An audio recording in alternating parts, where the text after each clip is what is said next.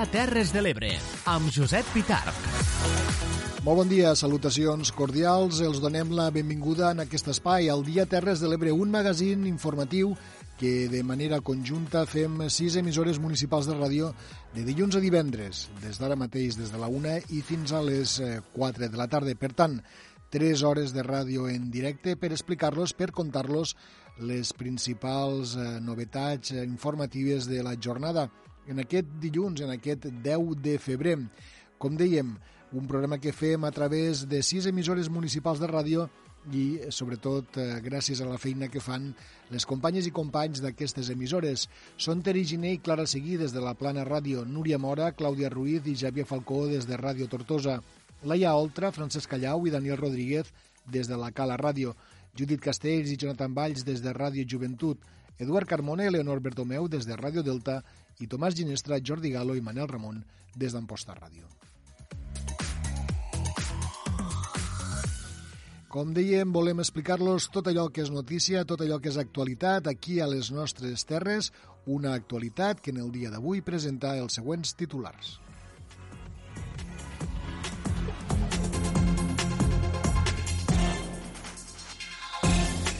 La campanya pels sediments reclama 6 milions i mig d'euros per mobilitzar els sediments que hi ha retinguts als embassaments del tram final de l'Ebre. Demà tindrà lloc una reunió de la taula tècnica de valoració del temporal Glòria a les Terres de l'Ebre. Recullen més de 3.000 quilos de residus del litoral de Deltebre i 8.000 al de Sant Jaume d'Enveja.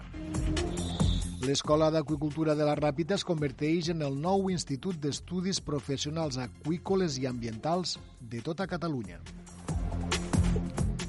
També destaquem que prop de 22.000 persones han passat pel tram del Baix Ebre de la Via Verda de la Val de Zafán durant el mes de gener. Marea Pensionista organitza una concentració demà dimarts a la plaça de l'Ajuntament d'Amposta. El moviment alternatiu Planer valora positivament la integració a Movem Terres de l'Ebre.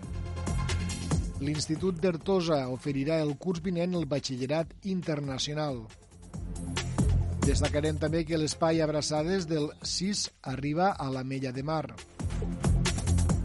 I també, pel que fa a àmbit cultural, el col·lectiu Cala Cultura oferirà un taller d'escriptura per endinsar-se en el món literari.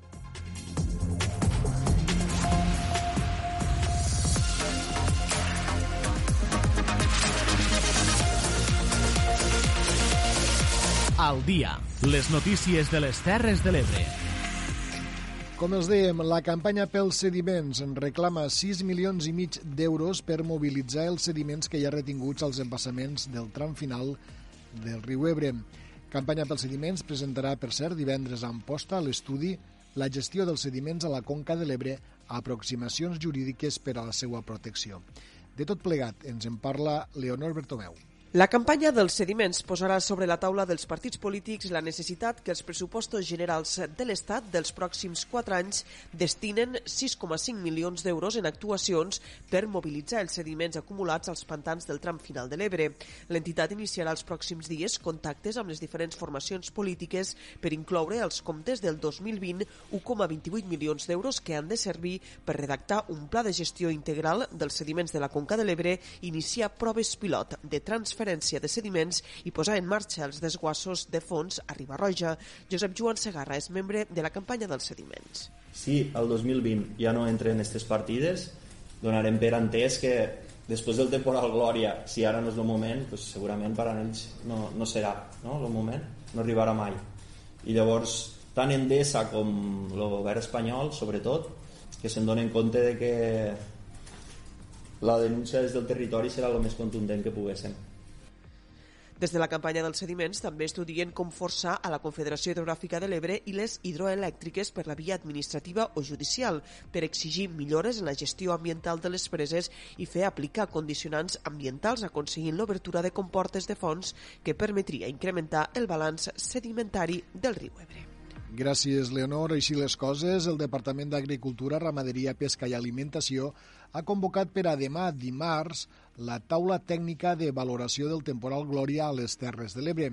A la reunió hi assistiran representants de la Comunitat General de Regants del Canal de la Dreta de l'Ebre, la Comunitat de Regants Sindicat Agrícola de l'Ebre, Unió de Pagesos, les Joventuts Agrícoles i Ramaderes de Catalunya, la Càmara i Arrossaires del Delta, una taula que ha de servir per quantificar de manera més exhaustiva els danys i explicar les línies d'ajut incloses en els 11 milions d'euros del fons de contingència que va aprovar el govern de la Generalitat per donar una primera resposta a les zones agrícoles afectades pel temporal. També a la tarda la taula es reunirà amb pescadors i aqüicultors. Aquesta és la tercera taula tècnica de valoració de danys que es reuneix. La setmana passada es va reunir a la Baixa Tordera i demà també es reunirà la de, la de Girona. Per altra banda, ja sabem que Alcanar, Amposta, La Ràpita o la Mella de Mar han organitzat campanyes de neteja de les platges dels seus termes municipals. Aquest cap de setmana ha estat el torn de les poblacions de Deltebre i Sant Jaume d'Enveja, que també han dut a terme accions de neteja de les platges del Delta situades en els seus respectius termes municipals. En el cas de Deltebre es van recollir fins a 3.000 quilos de residus. Leonor Bertomeu.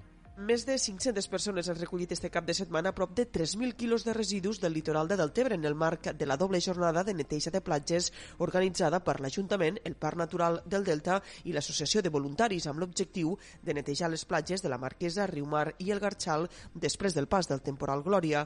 L'alcalde de Deltebre agraïa la sensibilitat dels voluntaris, ja que molts eren de fora del territori. Moltíssimes gràcies per la sensibilitat ambiental de tindre unes platges netes. Moltíssimes gràcies per creure en lo delta, en un delta pues, que necessita ajuda, però un delta que ja no està resignat, un delta que vol passar a l'acció, un delta que està cansat, està emprenyat de tanta inacció pública històrica i un delta que eh, necessita aquestes 500 persones d'avui eh, per a poder fer d'altaveu i de pedagogia que eh, lo delta també vol futur. El passat divendres es va presentar a Deltebre el pla deltant de la taula de consens en un acte a l'Ajuntament de Deltebre. I a Sant Jaume d'Enveja la neteja va tenir lloc a les platges de Buda i de Mijor. Van participar al voltant d'uns 150 voluntaris i voluntàries.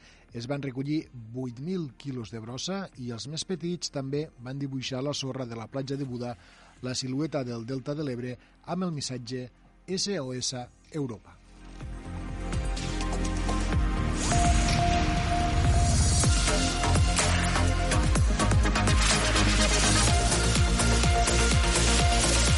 Al dia.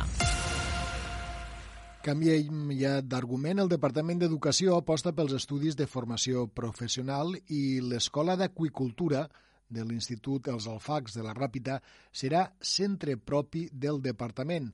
Així es convertirà en, en el nou Institut d'Estudis Professionals Aquícoles i, i Ambientals de Catalunya. Judit Castells. A partir del proper curs 2020-2021, l'Escola d'Aquicultura de l'Institut dels Alfacs de la Ràpita se convertirà en el nou Institut d'Estudis Professionals Aquícoles i Ambientals de Catalunya. Així, el nou centre serà completament independent de l'Institut dels Alfacs, un salt qualitatiu pel municipi que el posarà, segons l'alcalde Josep Caparrós, al mapa de la innovació.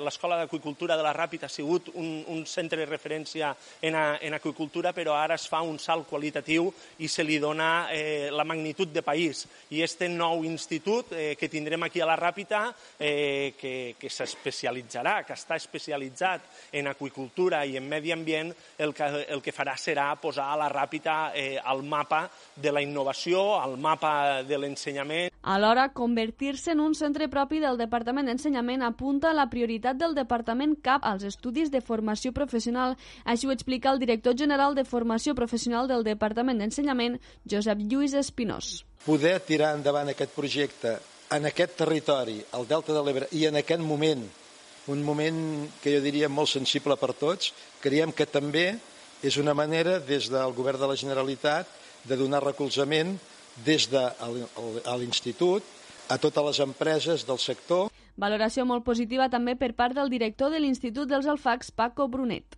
Des de l'Institut, des de tota la vida, s'ha estat lluitant perquè l'Escola d'Agricultura tiri endavant, se faci gran, ho hem anat aconseguint, després de períodes de complicats per tema d'alumnat, ho hem aconseguit, l'hem consolidat l'agricultura i a partir d'aquí vam aconseguir que l'educació ambiental i a partir d'aquí hem de començar a caminar tots sols. Amb tot, el nou Institut d'Estudis Professionals Aquícoles i Ambientals serà l'únic a tot Catalunya i un dels pocs existents a l'estat espanyol. Fem ara un parèntesi per a parlar de cultura. El col·lectiu Cala Cultura oferirà un taller d'escriptura per endinsar-se en el món literari. El curs, impartit per l'escriptor i professor Albert Guiu, pretén ensenyar diferents temàtiques i tècniques per escriure. El taller serà en dues sessions el proper cap de setmana a Laia Oltra. Donar les eines per construir una novel·la, un conte o un assaig a través de diferents perspectives d'autors i autores és la proposta que pretén Cala Cultura amb aquest taller d'escriptura, una oportunitat per exercitar la creativitat literària en un intensiu de dos dies. Guiu explica que el curs està dirigit a tothom conèixer tu mateix com a escriptor i tirar endavant en tot el que farem i en tot el que pintarem a nivell de paraules, a nivell de, de temes que es tocaran, a nivell de petits fragments que s'escriuran com a pràctica, a nivell d'escriure, de, narrar, exposar, escoltar... Bueno, intentarem fer una espècie de jornades literaris que tindran com a gran filera del pastís el fet de que puguem portar-ho a la pràctica les persones que vinguin a compartir amb mi. Jo és igual, si has escrit molt o has escrit poc, si has llegit molt o has llegit poc, és un, és un curs express i com a tal s'ha d'emprendre de, i pot venir una persona que li crida l'atenció a escriure, com a escoltar, com una persona que ho ha publicat, i això no, com més irem, més riurem, no? El taller estarà dividit en una primera sessió dissabte de 4 a 8 de la tarda i una segona diumenge de 10 a 12 i mitja del matí, totes dues a la sala d'actes de l'Ajuntament. Les places són limitades i cal fer una inscripció abans del dijous 13 de febrer a través del correu electrònic calacultura.outlook.com. Crònica municipal. La Junta de Govern local de l'Ajuntament de Deltebre va adjudicar la setmana passada les obres de la piscina exterior del centre esportiu del Delta. Les obres tindran un cost de 258.000 euros i està previst que els treballs estiguen enllestits per a que la piscina pugui obrir este proper estiu, després de 18 anys tancada al públic. La piscina, tal i com es va anunciar, durà el nom d'Agustí Ramon Castellà, persona que es va encarregar de les tasques de la piscina durant molts d'anys.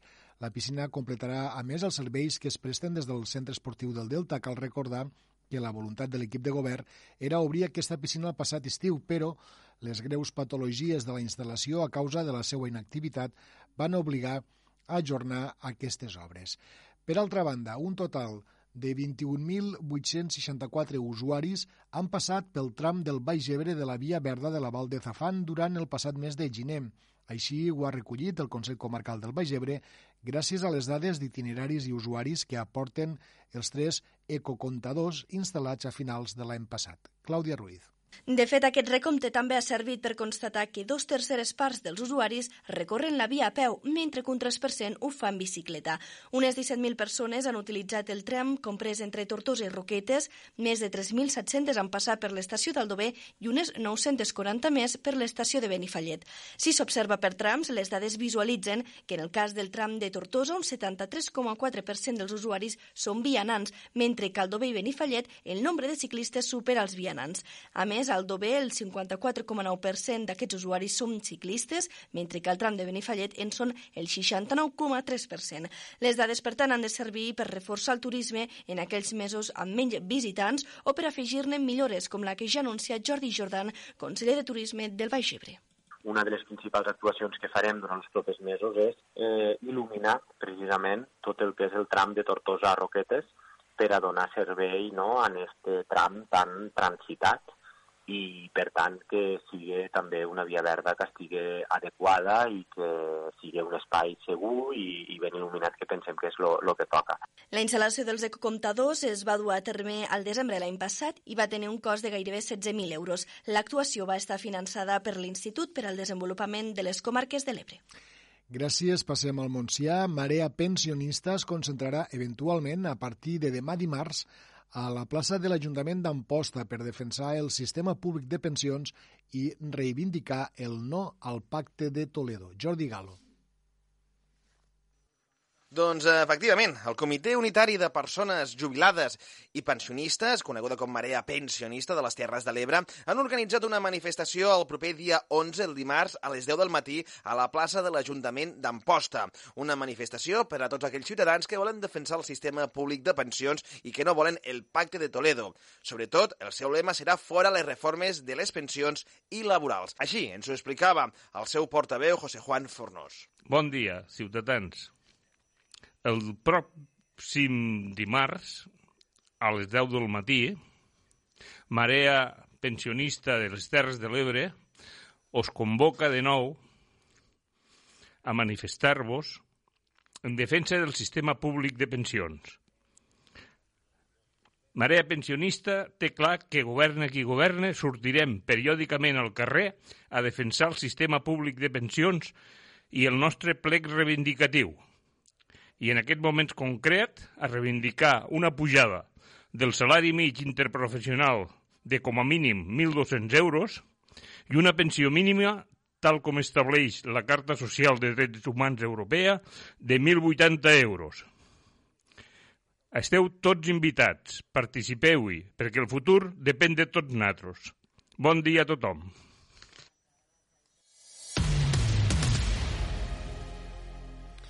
Més qüestions. Davant d'una sala plena de gom a gom el passat divendres, l'exconseller de Justícia Carles Mundó va presentar a la Biblioteca Marcelí Domingo de Tortosa el seu llibre El referèndum inevitable, Mundó va estar acompanyat per la directora dels Serveis Territorials de Justícia, Montserrat Ingla, el president del Consell Comarcal del Baix Ebre, Javier Faura, i l'advocat Josep Canício.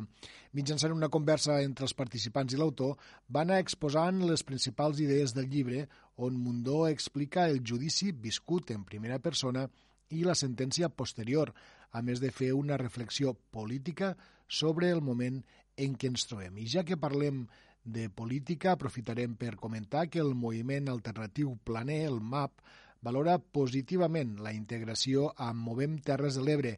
La seva cap de llista forma part de l'executiva com a tresorera, Tere Giner. Així és, en una entrevista que dies enrere teníem amb Isabel Garcia, ens explicava que integrar-se al partit suposa seguir els estatuts i un model estratègic territorial, on s'han plasmat les necessitats de cada comarca i on cada partit municipal ha aportat les necessitats que pensen són prioritàries. Per al MAP, entre les aportacions més destacades, consideren importants per al territori les vies de comunicació, com l'autovia o l'autopista. Nosaltres hem presentat el tema del, de l'autovia, que volem que es passe també per dins del territori, eh, annexionant des de la Sènia fins a Cabanes, que encara no està acabada, que és una part important, i el tema de l'autopista, que d'alguna manera o altra ha d'intentar arribar a les, nostres, a les nostres terres i estem una mica incomunicats, com sempre. La Planera forma part de l'executiva com a tresorera. Eh, segons eh, Garcia, eh, cada partit que s'ha integrat eh, és important que aporti el seu granet de sorra. Volia formar part de l'executiva perquè penso que cada, cada partit ha de, ha de contribuir dins del seu granet de sorra en aquest projecte comú, que penso que és una fita important per a Terres de l'Ebre. La nova formació formació política manifesta que el seu treball pot ser complementari amb la resta de forces progressistes a Catalunya o a l'Estat, però sempre amb autonomia i des d'una personalitat pròpia. Gràcies, Tere. Temps ara per al fet divers. Un conductor d'un turisme ha resultat ferit aquest dilluns al matí a l'Aldea en un accident de trànsit en què també s'ha vist implicat una camioneta. El sinistre ha ocorregut a la carretera de l'Ermita de l'Aldea i el conductor del turisme ha estat evacuat en ambulància, tot i que les ferides no revestien gravetat. El conductor de la camioneta ha resultat il·lès. Fins al lloc de l'accident, els bombers de la Generalitat han desplaçat dos dotacions. I per altra banda, abans parlàvem d'educació, ara hi tornem. El proper curs 2020-2021 s'ofertarà per primera vegada al batxillerat internacional a les Terres de l'Ebre, concretament a l'Institut d'Ertosa de Tortosa una oferta força demandada pels, eh, pel centre educatiu i també per l'alumnat. Clàudia Ruiz. El batxillerat internacional és un itinerari curricular específic determinat per l'Organització del Batxillerat Internacional per fomentar l'excel·lència educativa i l'aprofundiment curricular. Aquest s'adreça a l'alumnat que vol continuar estudis superiors a altres països que el tenen reconegut. A nivell curricular està format per sis grups d'assignatures i un tronc comú. Dels sis grups d'assignatures se'n trien sis, tres de les quals són a nivell mitjà amb una càrrega lectiva de 150 hores i tres a nivell superior equivalent a 240. Carmen Coma Comas, coordinadora pedagògica de l'Institut, destacava els beneficis d'aquesta modalitat per als alumnes. Forma eh, alumnes més reflexius, més crítics, eh, són més indagadors, són alumnes que el, seran eh, els protagonistes del seu eh, aprenentatge. No, tant, seran, no seran classes tan tradicionals o tan magistrals, sinó que serà l'alumne el principal protagonista del seu aprenentatge. A més a més, serà uns alumnes eh, molt solidaris, amb autonomia amb molta més autonomia, més oberts, més reflexius, amb una mentalitat més oberta. Les matèries troncals d'aquest batxillerat són teoria del coneixement, que explora la naturalesa del coneixement en una sèrie de disciplines, com la monografia, equivalent al treball de recerca, però amb unes condicions pròpies, i el programa també de creativitat, activitat i servei, que fomenta en l'alumnat un coneixement i una apreciació de la vida més enllà de l'àmbit acadèmic. Per tal de poder fer simultàniament la modalitat de batxillerat i de batxillerat internacional, els estudiants faran també les matèries obligatòries del batxillerat que no són dins del programa del diploma de batxillerat internacional Les famílies caleres amb infants d'entre 0 i 3 anys tindran un punt de trobada per compartir opinions i reflexionar sobre la criança. Es tracta de l'espai Abraçades, una iniciativa del Servei d'Intervenció Socioeducativa del Baix Ebre que aquest mes de febrer arribarà a la Mella de Mar, la Oltra. Durant les trobades s'abordaran pautes útils per escoltar i comprendre el desenvolupament i les necessitats de cada infant, amb l'objectiu de millorar les habilitats parentals. La regidora de Famílies, Maite Puell, ha apuntat que aquest espai servirà per aprendre i compartir la criança de fills. Des del Servei d'Intervenció Socioeducativa del Consell Comarcal, juntament amb serveis socials de l'Ajuntament de la Mella de Mar, doncs s'ha decidit impartir el taller d'Espai Abraçades, tot per aprendre i compartir la criança dels fills i amb pares i mares doncs, eh, amb nadons de 0 a 3 anys. Llavors, eh, després de l'èxit que va tenir el Cafè en Família adreçat a les famílies d'infants de l'escola o als primers, i dels primers cursos de l'institut, doncs ara fem aquest taller per famílies que van a la llar, més petits i de més, perquè si bé vam considerar que aquella etapa doncs és una etapa de creixement important, de 0 a 3 anys s'estableixen les bases i eh, amb tots, eh, entre tots i amb els tècnics del servei d'intervenció, doncs que es guin una mica i ens donin unes pautes per aprendre. I eh, juntament amb pares, mares, els nadons i els tècnics del CIS, doncs compartirem aquesta preocupació perquè s'entén que compartint s'aprèn. Hi haurà set sessions de periodicitat setmanal que seran els dimarts de 5 a 6 i mitja a la llar d'infant Xerinola. La primera serà dimarts 18 de febrer. La inscripció és gratuïta, però les places són limitades. Per més informació es pot contactar al telèfon 606 26 12 35 o al correu 6 arroba bagebre.cat o a l'Instagram arroba 6 barra baixa cc bagebre.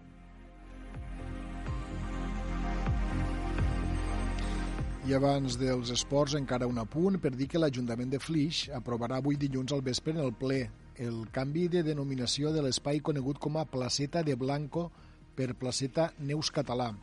L'alcalde de la població, Francesc Barbero, ha assegurat en un tuit que li fa especial il·lusió per la lluitadora que va ser i reafirma el seu compromís en seguir feminitzant els noms de l'espai públic. Flix segueix així l'exemple de Ginestar, que ja fa dos anys va rebatejar un carrer en honor de Neus Català. Des de l'any passat, Fleix també compta amb un mural dedicat a Neus Català al carrer Escoles, realitzat pel col·lectiu antifeixista Lo Vivero.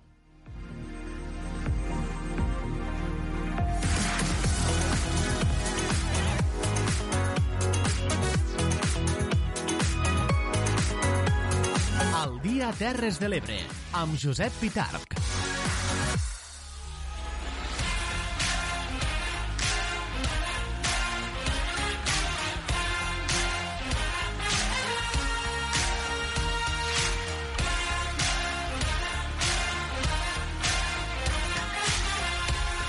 Al dia, els esports de les Terres de l'Ebre. I pel que fa als esports, com cada dilluns, abans que res, mirarem quins han estat els resultats en la darrera jornada de futbol i com queden també les classificacions. Centrant-nos en algunes de les cròniques dels partits, la Unió Esportiva Rapitenca disputa el pitjor partit de la temporada i per a casa contra el Roda de Barà per un gol a dos. Important victòria del Club Deportiu Tortosa al camp del Cambrils per un gol a 3 que li permet empatar al segon lloc amb la Rapitenca. Pel que fa als equips de Deltebre, victòria del Jesús i Maria per 1 a 0 davant de la Mella de Mar i empat a 1 de la Cava davant de l'Arnes. El Santa no aconsegueix la victòria, dissabte empatava a 3 amb el Roquetenc. Excel·lents resultats del Club Nàutic Amposta al Campionat d'Espanya de llarga distància. Sant Feliu de Guíxols guanya la Copa Catalana de Twirling a Santa Bàrbara. I també destacarem que se celebra el setè trofeu Ciutat d'Amposta, el torneig nacional de ball esportiu puntuable en el rànquing nacional.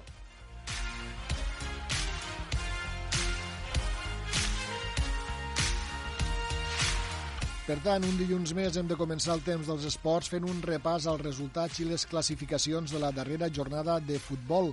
Així començarem, com ja és habitual, al grup segon de primera catalana que va disputar la jornada 20.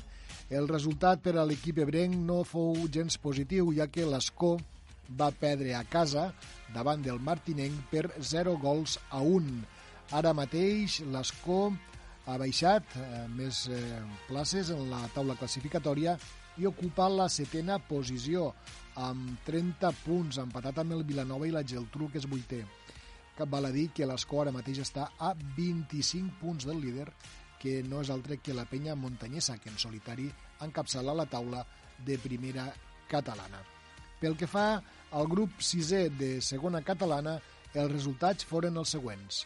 Mora la Nova 0, l'Ampolla 0, Cambrils Unió 1, Club Deportiu Tortosa 3, Riudoms 2, Bonavista 0, Rapitenca 1, Roda de Barà 2, Camarles 1, Ulldecona 2, Gandesa 5, La Sènia 0, El Perelló 2, Montblanc 0 i Amposta 3, La Canonja 3.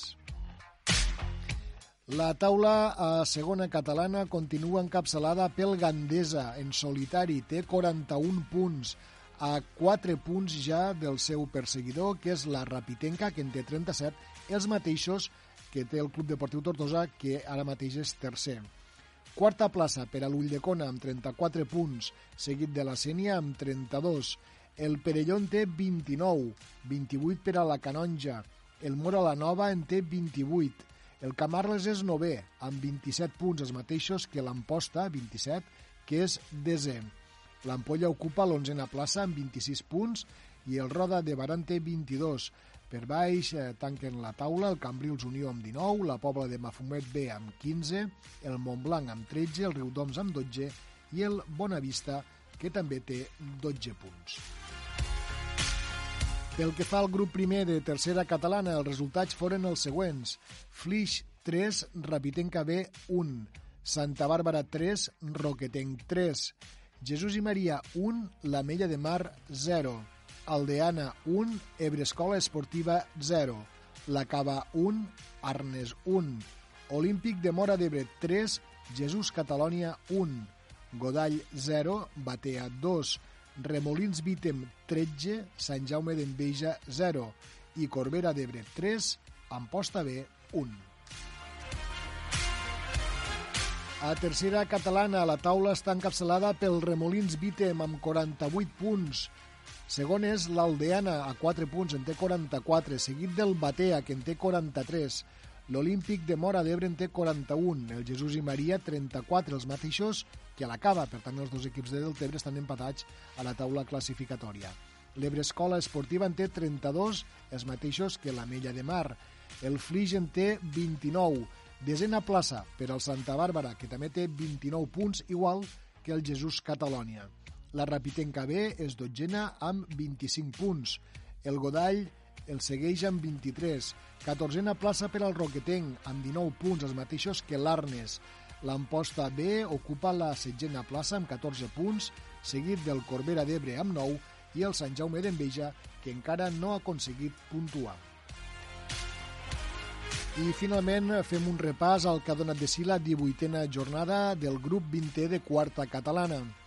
Tivenys 1, Alcanar 2, la Cava B 3, Mas d'Enverge 4, Gandesa B 3, La Fatarella 2, Benissanet 3, Remolins Vitem B 0, Ginestà 2, Pinell de, Vall, de Brai 3 i Jesús Catalònia B 4, Olímpic de Mora d'Ebre B 2. En aquest cas, a quarta catalana, la taula està encapçalada pel Pinell de Brai, que té 37 punts, seguit de molt prop pel Gandesa B, que en té 36. Tercera plaça per al Ginestà, amb 31 punts. La Fatarella i el Benissanet estan empatats a 30 punts, que són els mateixos que té l'Alcanà. El Mas d'Enverge setè, amb 27 punts. El Xerta, 22 punts. El Jesús Catalònia B té 20 punts. El Tivenys en té 14. Onzena plaça per al Remolins Vitem B amb 11 punts.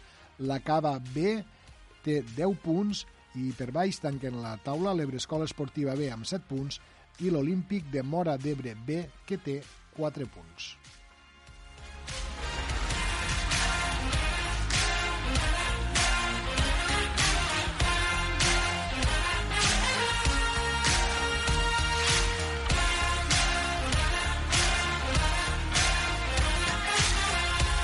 Al dia, els esports de les Terres de l'Ebre. Ens fixem en alguns dels partits que acabem d'esmentar. Començarem parlant de la Rapitenca. Els jugadors de la Unió Esportiva Rapitenca van perdre 1-2 contra el Roda de Barà en el que diuen que és el pitjor partit a casa que ha jugat l'equip mariner aquesta temporada. Judit Castells. Efectivament, el pitjor partit a casa de la Unió Esportiva Rapitenca, així ho ha dit el propi entrenador Ramon Sancho. Un encontre on van entrar malament, imprecisos i en falta d'actitud. Venien d'unes jornades molt bones i la falta d'ambició i intensitat van fer que el Roda de Bara s'imposés a la primera part 0-1. Així ho explica l'entrenador de la Unió Esportiva Rapitenca, Ramon Sancho arran d'un xut de fora l'àrea, mal defensat natros, pues mos, ha, mos han fet el 0-1. I la primera part no m'ha agradat gens, eh, molt malament a, a nivell individual, de, de precisió de, de, de toc de baló i, i tal, però també a nivell col·lectiu en, en el sentit de que mos faltava, mos faltava alguna més. A la segona part van sortir posant-se més al partit, augmentant la intensitat i obrint les bandes, aconseguint empatar 1 a 1 amb un golaç de Ricardo.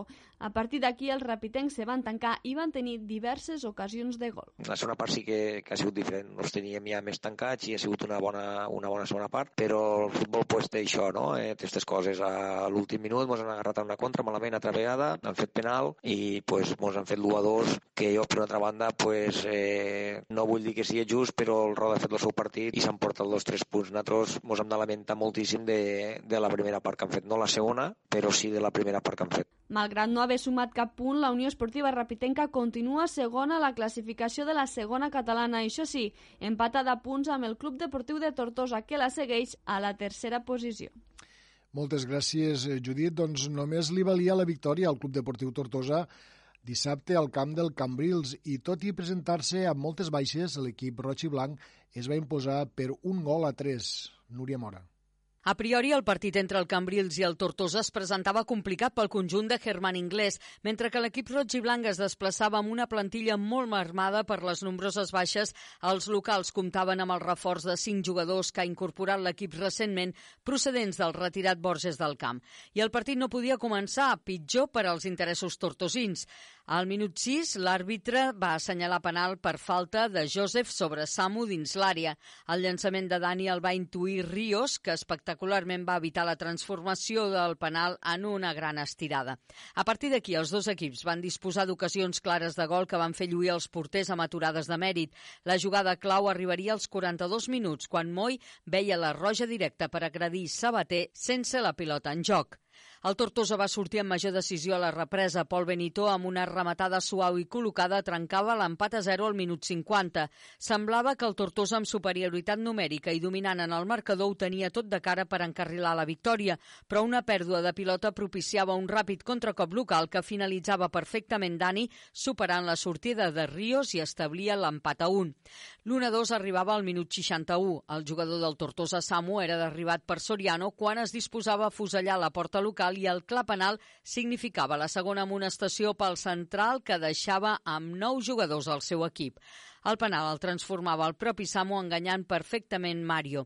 Tot i la inferioritat numèrica, el Cambrils Unió no va baixar els braços i va tenir l'opció d'empatar de nou en rematada cap Miqui, una falta penjada a l'àrea, anticipant-se a tots, però la pilota va sortir fora, fregant la base del pal amb Ríos totalment superat. Davant d'aquest ensurt, el Tortosa va reaccionar de forma immediata, creant tres opcions clares i seguides, però desaprofitades. Finalment va ser Nacho, al minut 83, qui superava Mario per tancar el marcador i establir l'1-3 definitiu. Encara els locals es quedarien, però, amb un home menys, quan Edu Sosa derribava l'eix pel darrere i veia la segona targeta groga. Tot i la victòria, el tècnic tortosí Germán Inglés no està satisfet de l'actuació del seu equip, però posa en valor els tres punts aconseguits. Hem tingut ocasions, hem tingut arribades, però també hem tingut moltes pèrdues que ens han suposat contraatacs que ens creaven perill. Bueno, la veritat que tres punts eh, importants, però en un sabor agridolç perquè, bé, penso que en els moments de, de poder tindre tranquil·litat i agafar, continuar amb les bones sensacions, pues, no ho han fet i hem acabat en unes sensacions pues, no gaire bones per, per, bueno, pues, per deixar el partit obert fins al final, amb dos jugadors menys, al final han sigut tres inclús, i, bueno, i, i la veritat que no, no, no disfrutar d'aquests últims minuts, contents pels tres punts, però enfadats, eh, jo el primer, perquè, bueno, hi ha hagut coses que no, no hem estat bé. Tres punts vitals per al Tortosa, que es manté en tercera posició amb 37 punts, empatat amb la Rapitenca i a 4 del Gandesa, que es va imposar a la Sènia per 5 a 0. Canviem de categoria, passem ja a tercera catalana. El partit entre el Jesús i Maria i la Mella de Mar va acabar amb el Darulls, després de que els partidalencs s'imposessin amb un gol de penal en temps pràcticament de descompte. La Cava, per la seva banda, no va aconseguir passar de l'empat a casa davant de l'Arnes. Leonor Bertomeu. Victòria del Jesús i Maria per 1 a 0 davant la Mella de Mar i empat a 1 de la Cava davant l'Arnes. El Jesús i Maria, després d'un partit molt igualat davant la Mella de Mar, va aconseguir la victòria al minut 89 quan l'àrbitre va xiular un penal a favor dels partidalencs. El partit va acabar finalment amb el Darulls, tal com explica David Garcia, tècnic del Jesús i Maria. S'ha acabat el partit, l'àrbitre ha xiulat i per a mi la Mella no, no ha acceptat el que és la derrota i al final ha hagut una tangana, ja que un dels, dels tècnics que estava, que estava allí a la banqueta eh, ha acabat el partit, s'ha anat corrents cap al nostre de davanter i, i que l'han rodejat i el, li han anat a pegar un cop de cap. Per a mi que no han digut acceptar bé la derrota llàstima perquè el partit ha sigut intens, trobo que ha sigut un partit bonic i, i que al final mm, no ens ha pogut encaixar la derrota. Amb la victòria, el Jesús i Maria s'ha situat quina a la classificació amb 34 punts i s'ha situat per damunt de la Cava, que després de l'empat davant l'Arnès ha tornat a deixar escapar dos punts del Camp Nou. És a veure un partit igualat, tot i que al final l'Arnès hauria pogut endur-se la victòria, tot i que les bones intervencions del porter de la Cava ho van impedir. Al final, 1 a 1, i el director esportiu de la Cava, Juanjo Prats, admet que l'objectiu de la Cava de pujar de categoria ja no serà possible esta temporada al final un empat que crec que és just i decepció una altra vegada del Club Deportiu La Cava, que jo crec que ara sí que definitivament hem llançat la tovallola, perquè clar, no hi havia marge d'error, esta vegada s'ha empatat a casa i al final, doncs, bueno, jo crec que a 8 crec que estem de la promoció i 14 del líder, jo crec que pràcticament aquesta temporada el que va a la és que ja preparar la que ve i fer d'aquí al final una pretemporada per a la, per a la propera, no? Pel que fa al filial de la Cava, la quarta catalana va perdre 3 a 4 davant el Mas d'Anverge.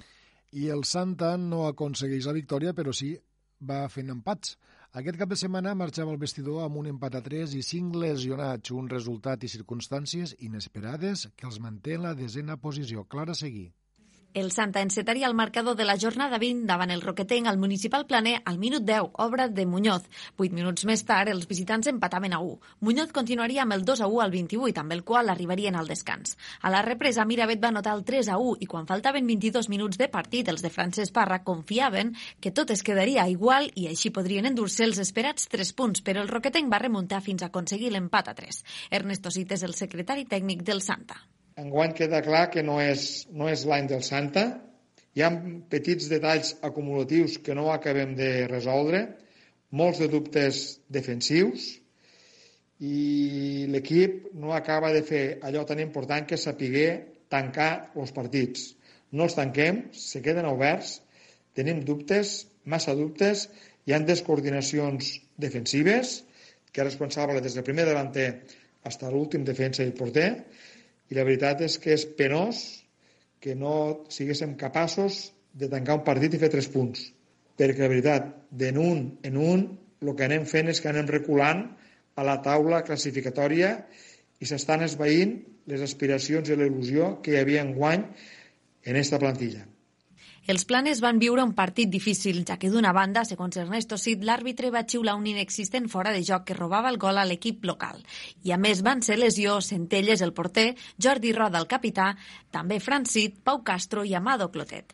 Amb aquest resultat, el Sant es manté en desena posició amb 29 punts i amb un missatge interioritzat de treball, concentració i control.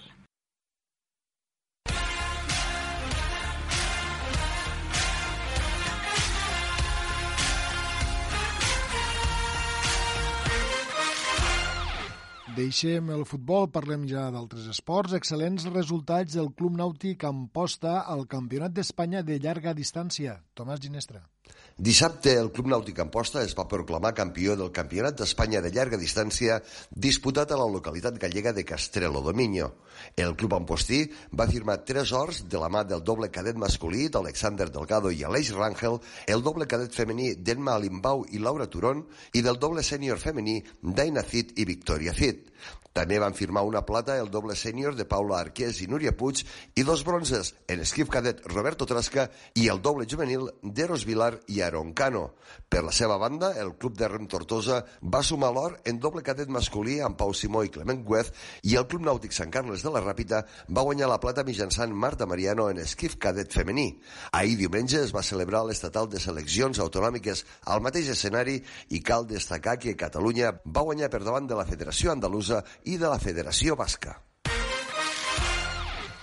Sant Feliu de Guíxols va guanyar la Copa Catalana de Twirling que es va disputar a Santa Bàrbara durant el cap de setmana. Santa Bàrbara va acollir aquesta competició, la Copa Catalana, que classifica per als europeus que aquest any aterraran a Catalunya i seran del 25 al 28 de juny. Tere Giner. Efectivament, cap de setmana intens a Santa Bàrbara amb la competició de la Copa Catalana de Twirling, que van eh, disputar-se 10 clubs eh, d'arreu de Catalunya amb la presentació de 149 exercicis. La competició s'iniciava dissabte amb la reivindicació per part del president de la Federació Catalana de Twirling de visibilitzar l'esport femení. Escoltem Rubén Puello.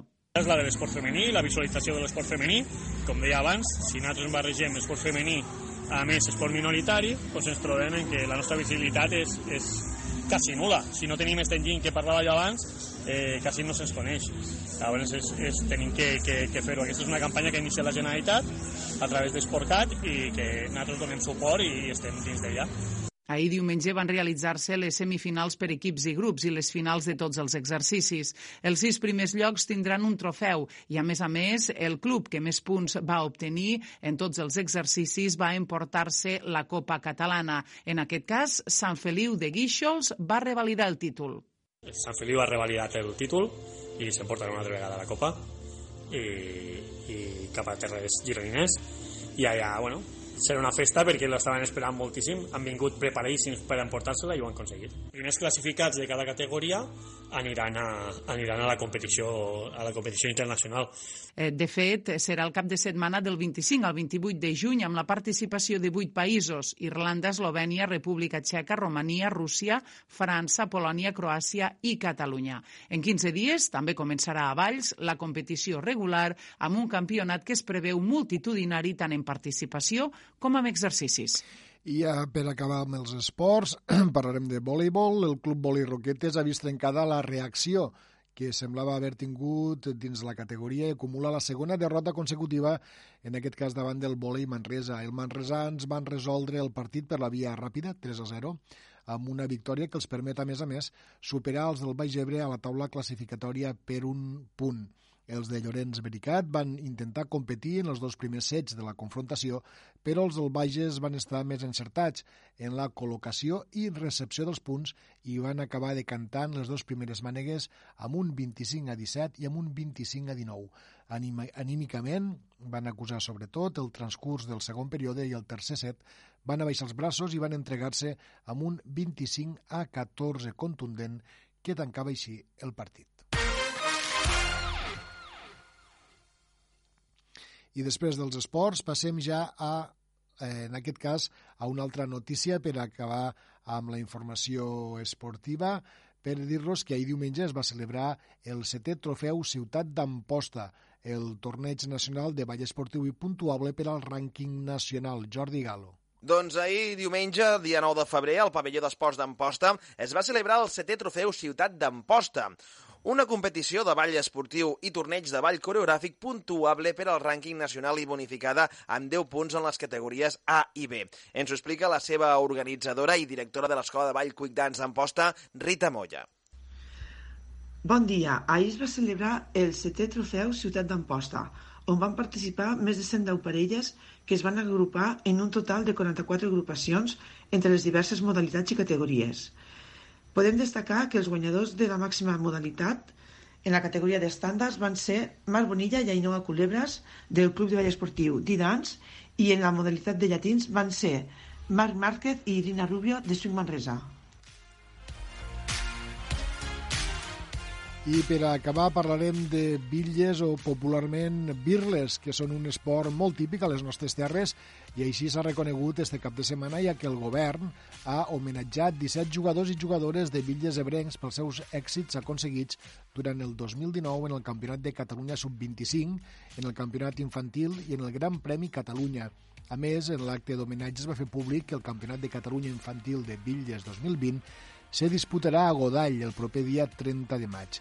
La recepció oficial, celebrada este dissabte a la seu de la Generalitat, a les Terres de l'Ebre, va reconèixer els èxits assolits pels esportistes, però també va homenatjar els clubs d'Amposta, de Jesús, de Godall, la Galera i la Sènia, així com a la mateixa Federació Catalana de Bitlles i Bowling, pel seu treball de promoció d'esta pràctica esportiva.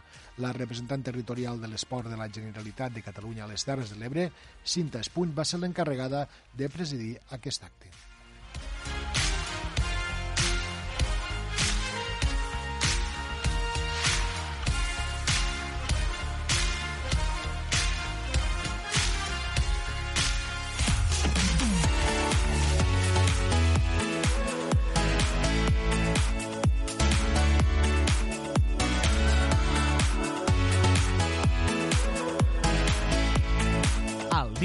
L'agenda de les Terres de l'Ebre.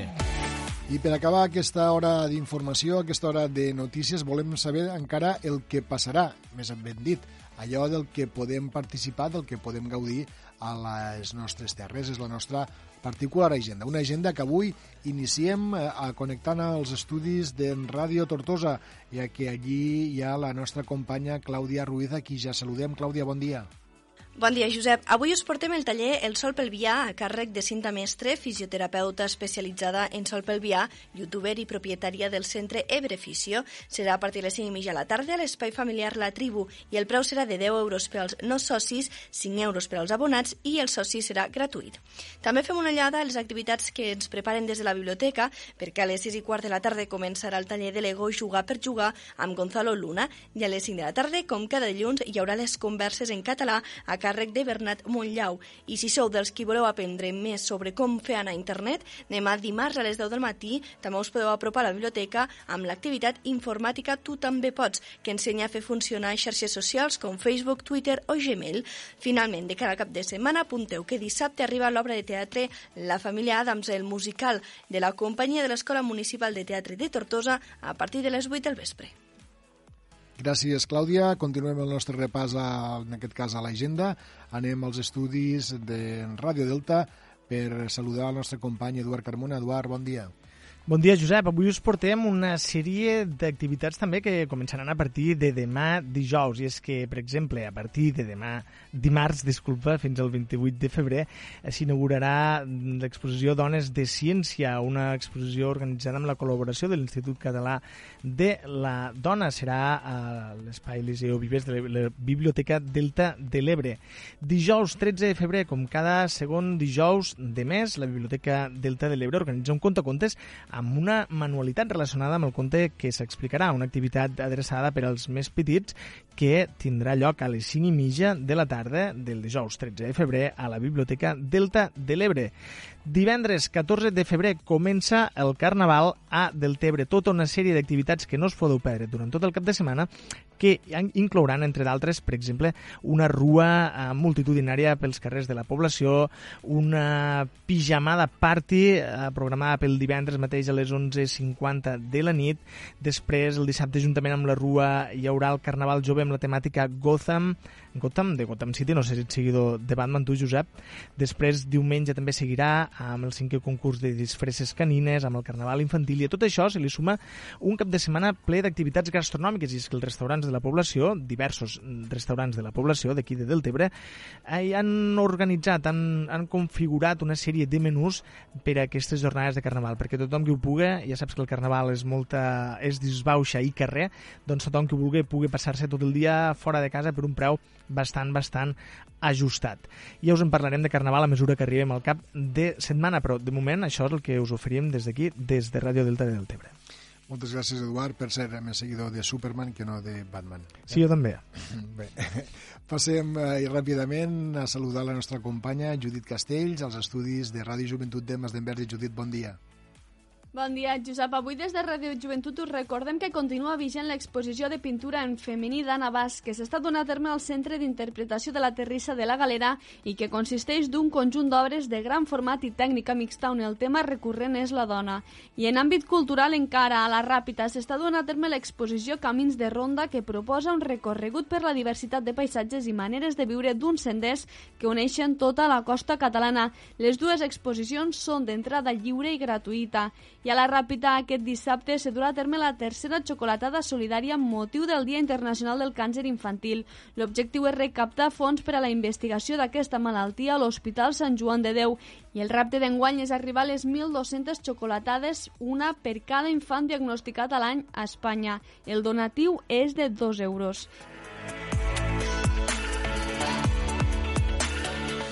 Gràcies, Judit. Amb aquesta agenda de les Terres de l'Ebre arribem al final d'aquesta primera hora del programa, el Dia Terres de l'Ebre, un programa que continuarà a partir de les 2 i 4, després del butlletí horari de la xarxa, per ja endinsar-nos en més continguts, com ara de poble en poble, la secció del sector primari, la col·laboració avui de Prevenció i Seguretat amb Miquel Alonso, responsable de la Direcció eh, General de Protecció Civil, en fi, tots els eh, continguts habituals de la nostra segona hora. Serà, com deia, a partir de les 2 i 4 minuts.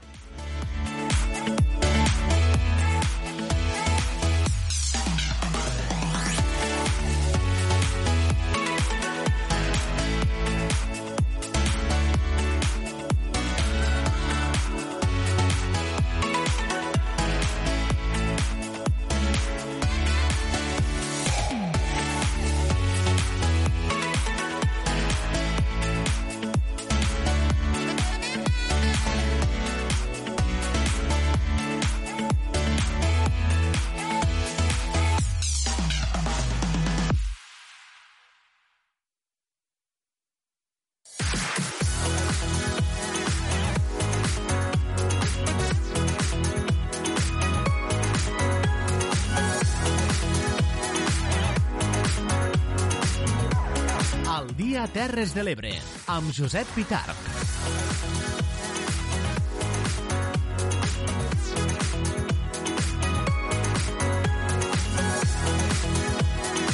Quatre minuts sobre el punt de les dues de la tarda. És hora de continuar amb el nostre programa, el Dia Terres de l'Ebre, un programa, ja saben, de caire informatiu que fem de manera conjunta a través de sis dials, de sis emissores municipals de ràdio, i que són la Plana Ràdio, Santa Bàrbara, Ràdio Tortosa, la Cala Ràdio, la Milla de Mar, Ràdio Joventut a Mas d'Enverge, Ràdio Delta del Tebre i Amposta Ràdio.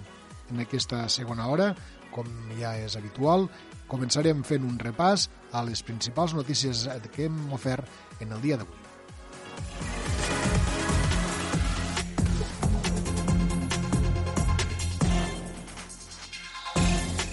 La campanya pels sediments reclama 6 milions i mig d'euros per mobilitzar els sediments que hi ha retinguts als embassaments del tram final de l'Ebre.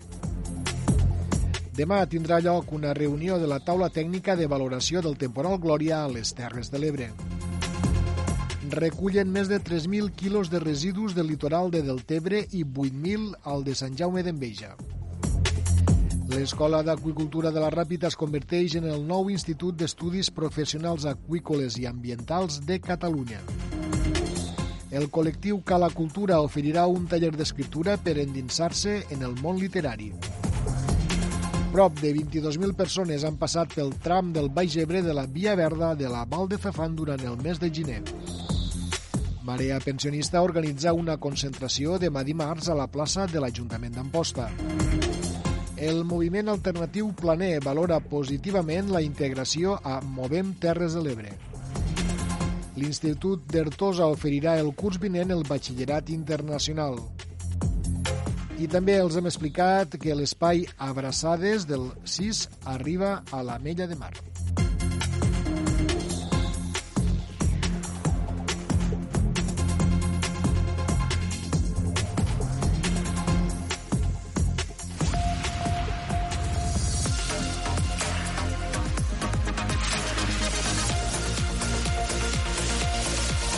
Al dia. Com els dèiem, hem d'iniciar la secció de Poble en Poble. Avui ens anem cap a Deltebre, perquè des d'allí el nostre company Eduard Carmona ens ha de proposar una entrevista que avui, ja els avanço, va de gastronomia. I és que a Deltebre estan a punt d'iniciar-se els carnavals i una de les eh, activitats que se sol fer previ en aquest carnaval i durant tot el transcurs de la setmana són les jornades gastronòmiques del carnaval. En aquest cas, eh, Eduard Carmona parlarà amb la regidora d'Acció Comercial, Ingrid Santiago. Per tant, Eduard, quan tu vulguis. Els dies 14, 15 i 16 de febrer, això és a partir d'este divendres, divendres 14, dissabte 15, diumenge 16, del Tebre està de celebració del Carnaval.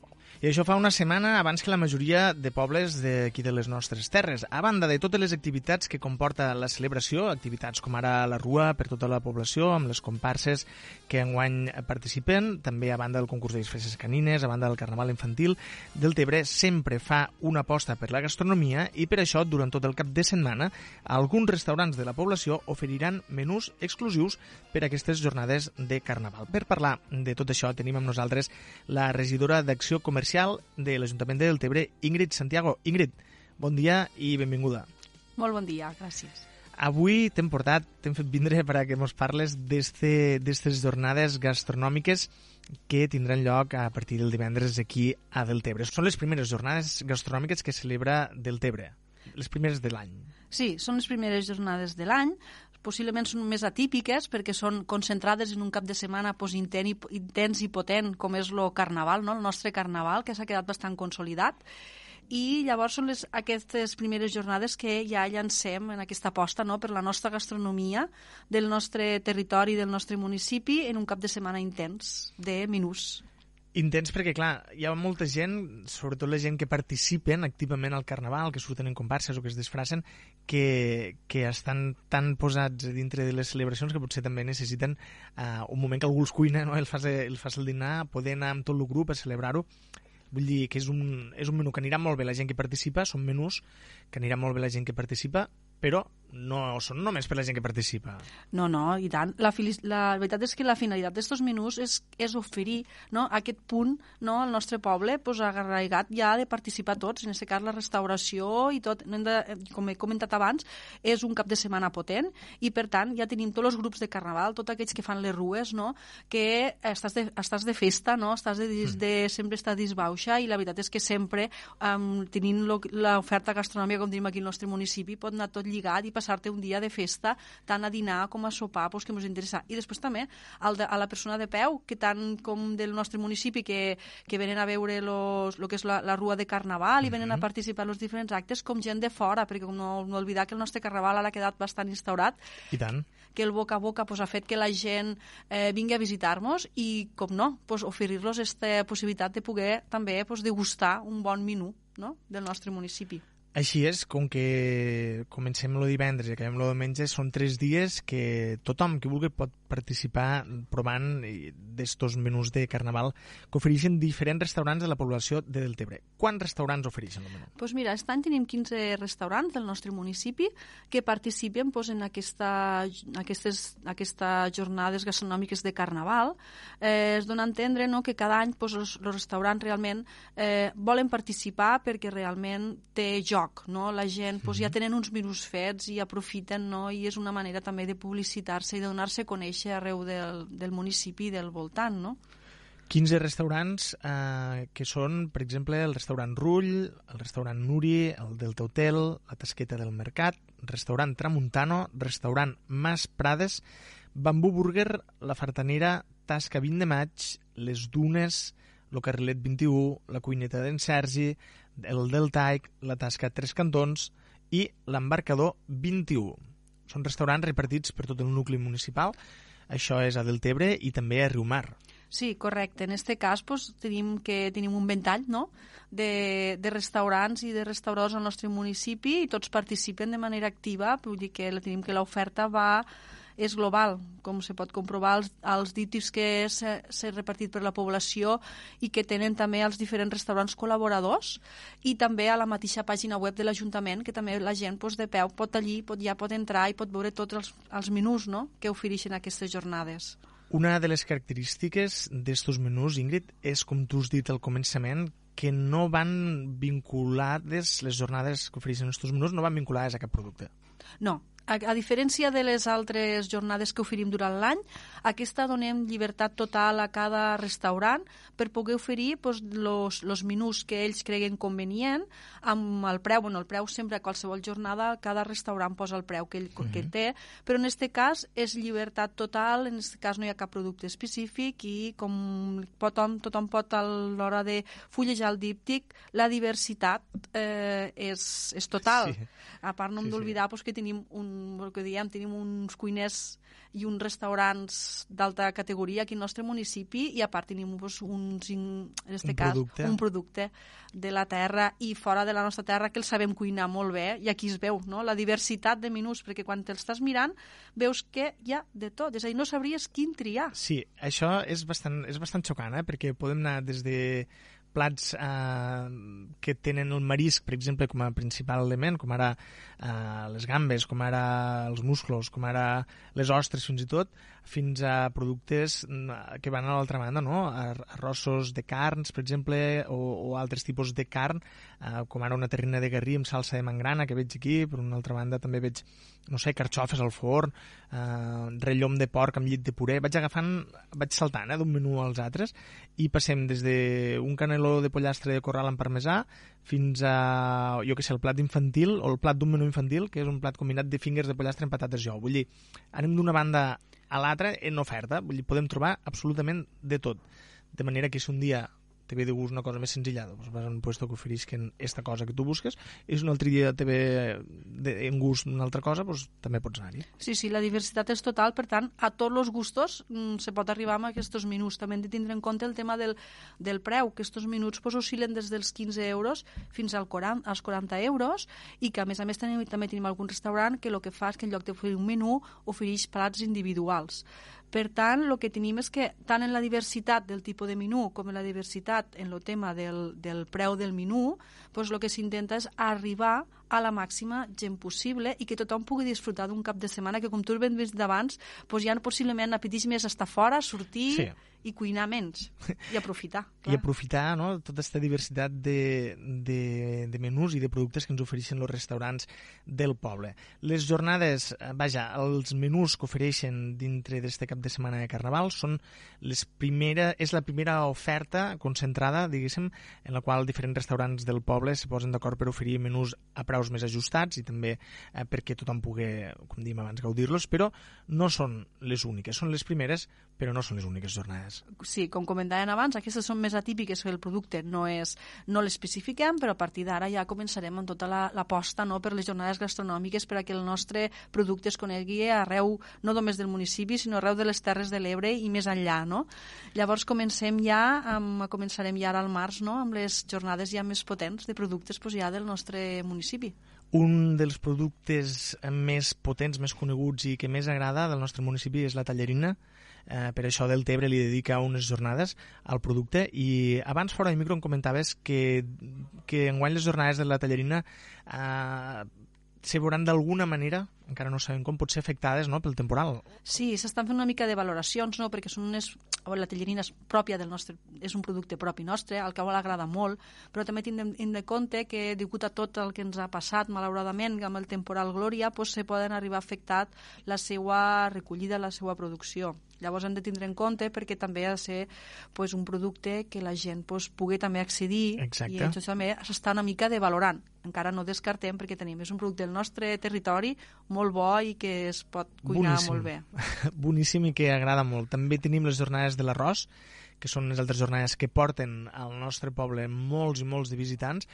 Després també tenim les jornades, per mi unes de les jornades estrella, que són les del musclo, Este sí, que la veritat és que les jornades en muscle també t'agafa al plena temporada alta, no? que és la temporada de l'estiu, on el muscle, la veritat és que tenim un, tenim un muscle aquí al nostre territori molt bo, uh Mhm. -huh. on hi ha molta gent també dedicada, també hem de tindre en compte que també el tema de les produccions aquest any doncs, tot se veurà una mica afectat, però esperem que a poc a poc tot se vagi recuperant no? i que realment el que tinguem lo sapiguéssim aprofitar no? i que els nostres restaurants pues, també puguen oferir i conèixer-nos en este muscle tan bo. Tenim un altre producte estrella del nostre poble, que ja en vam parlar en un programa, que és l'Opato, l'Opato del Delta, que també ve gent expressament a, a provar no, estos menús que s'ofereixen, on l'Opato és l'ingredient estrella. En principi, sembla que el pato no es veurà afectat. En tant... principi el pato pues, ja entenem que no, també és una, és unes jornades que es fan més cap a final d'any i pues, entenem pues, també que el pato, pues, com comentes tu, no es veurà afectat i també és un producte estrella. És a dir, tenim productes molt bons al nostre municipi, al nostre territori, que val la pena potenciar i la veritat és que també brindem a aquella gent o a aquells restaurants no, que tinguin idees d'alguns productes que possiblement també són del territori, que possiblement no es tindran en compte, pues, nosaltres estem oberts no, a que ens puguin donar noves idees per a començar a implantar pues, eh, nous productes i estem oberts. Lo important és que realment hi hagi aquesta fusió no? entre la gent que ve, la gent del nostre territori, del nostre poble i els nostres restaurants. Això és el que ens interessa. Quan ho tindrem lligat, te tornarem a portar, Ingrid, perquè mos parles de, de les següents jornades que, que s'esdevindran al nostre poble, encara que siguin unes jornades d'algun producte que encara encara no s'han fet mai, no? Perquè això també pot passar, sí, sí, que anéssim descobrint productes i posant-los sobre la taula de la mà dels nostres restauradors. Ingrid Santiago, regidora d'Acció Comercial de l'Ajuntament de Deltebre, gràcies per vindre a presentar-nos estos menús inclosos dins les jornades de Carnaval de les celebracions de Deltebre que tindran lloc del 14 al 16 d'este mes de febrer. Moltes gràcies.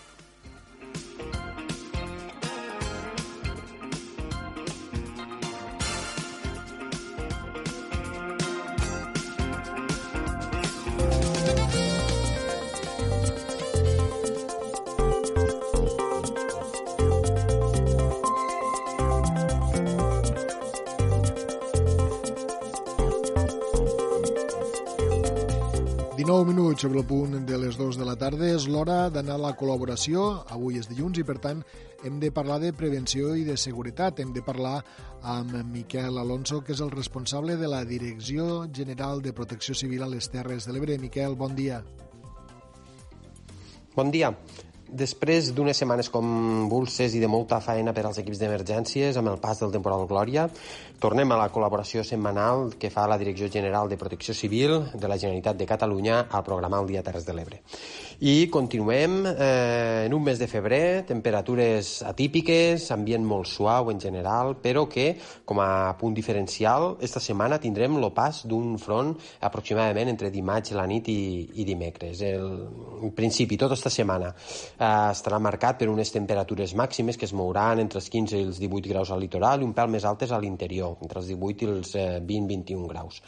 Les mínimes entre 8-10 graus al litoral i una mica més baixes a la part de l'interior, en aquest cas voltant els 5-6 graus. En general, temperatures eh, marcadament suaus per a l'època.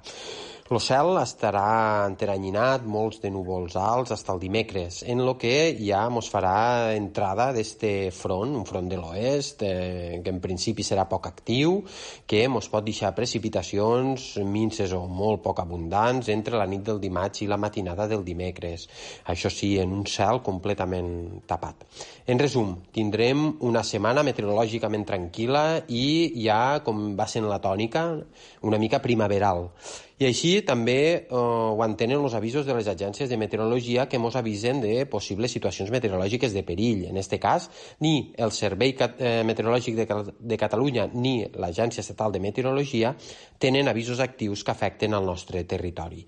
Per tant, i a priori, setmana tranquil·la per davant, únicament marcada pel pas d'este petit front de l'oest previst, com vos dia, per a dimarts la nit i dimecres.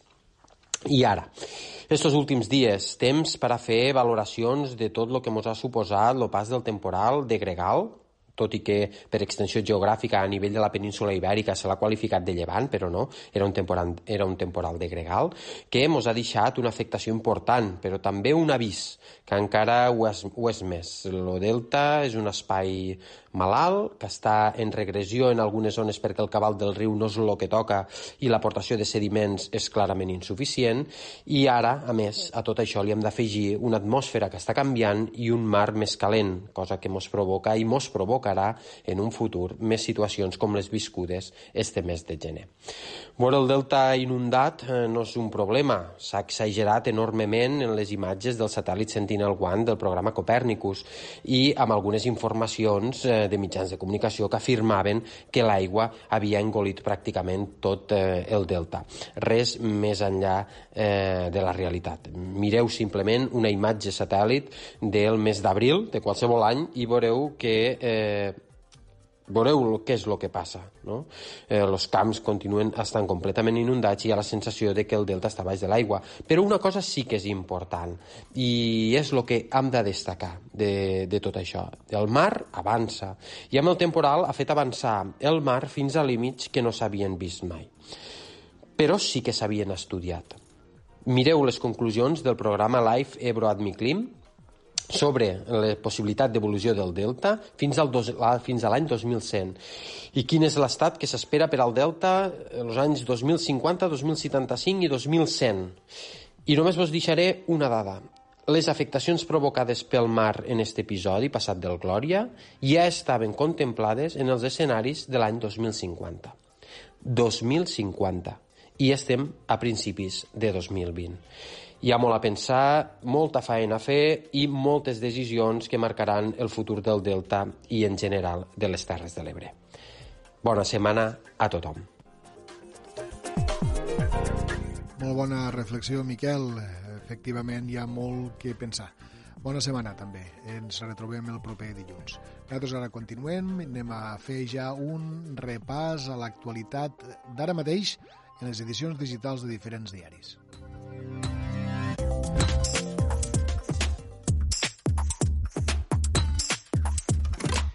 La Vanguardia, en l'edició digital, destaca tot allò que va ocórrer ahir als Premis Òscar, destaca eh, els principals guardons, recorden, la millor pel·lícula ha estat Paràsitos, de Bong Joon-ho, també ha estat aquest director el que s'ha emportat l'Òscar a la millor direcció.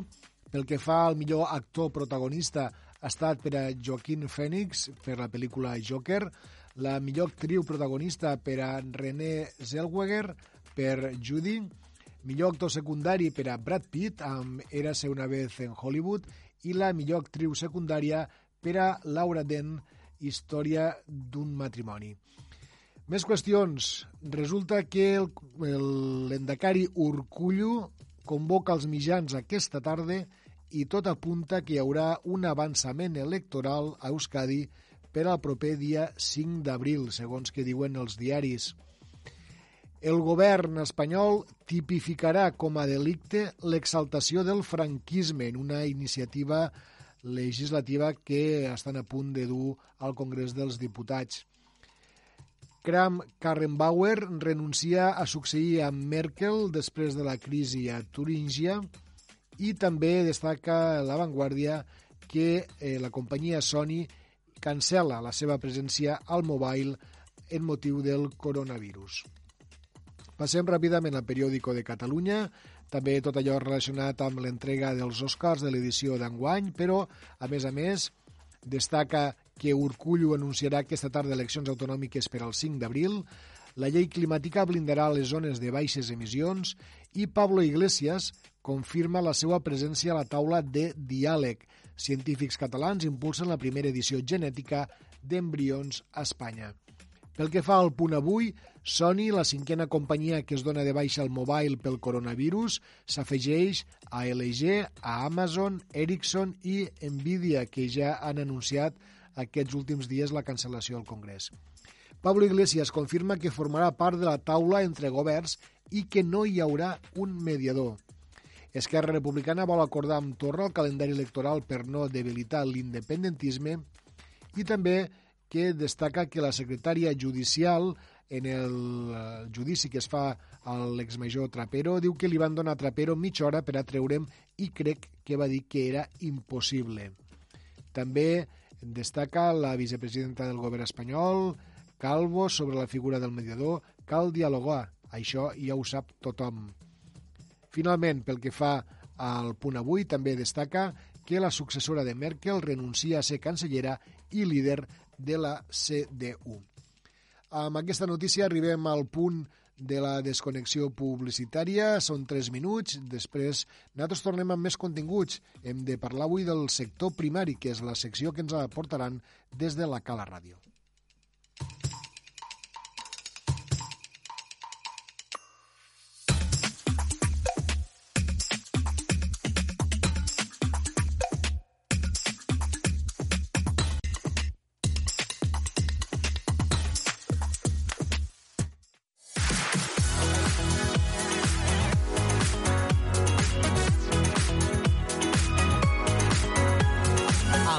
Terres de l'Ebre, amb Josep Pitarc.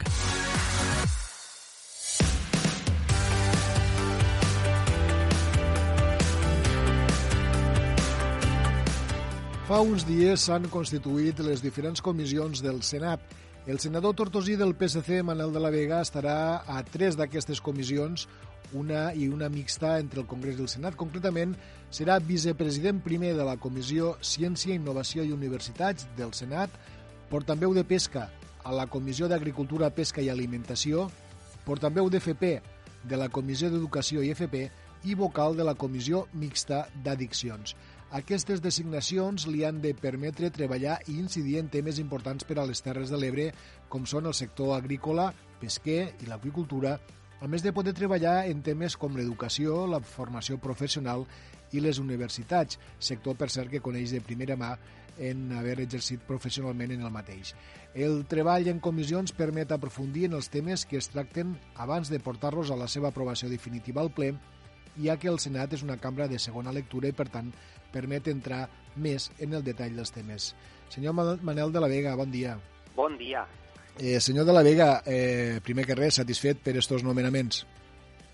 Pues sí, però eh, soc eh, conscient de la feina que comporta, perquè fixa't que soc portaveu en dues comissions mm. i la majoria de senadors són portaveus solament en una, no? Mm. i això significa que, que tindré que treballar més, que tinc més feina per, per, per endavant, però jo molt content, sobretot, eh, poder treballar en temes que conec i en temes també que tenen relació amb el territori, amb les Terres de l'Ebre, perquè al fi i a la cap jo estic allí també per a representar el territori i per a treballar justament per la gent d'aquí, per la gent de les Terres de l'Ebre. És el que li volia comentar, són comissions que, com vostè diu, tenen molt a veure en alguns sectors importants, estem parlant del sector primari i del sector, per exemple, de l'educació.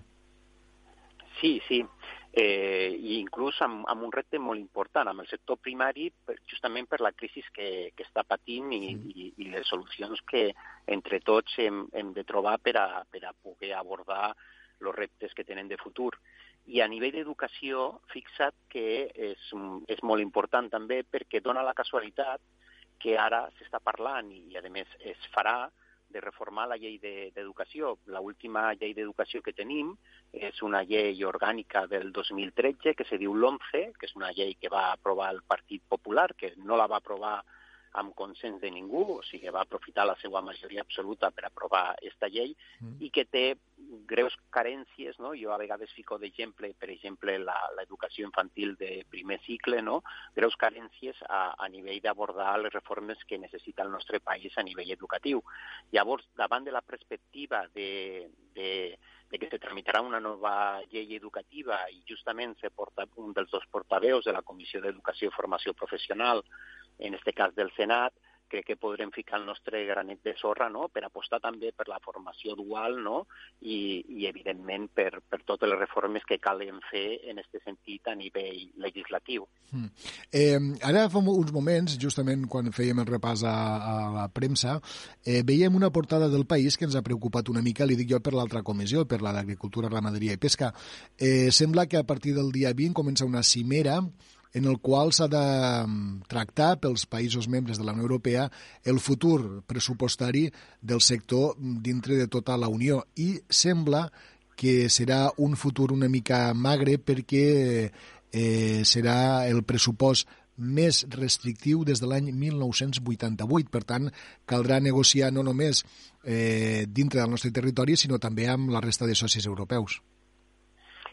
En eh, les polítiques comunes de la Unió Europea nos afecten directament tant a l'agricultura com també a la pesca.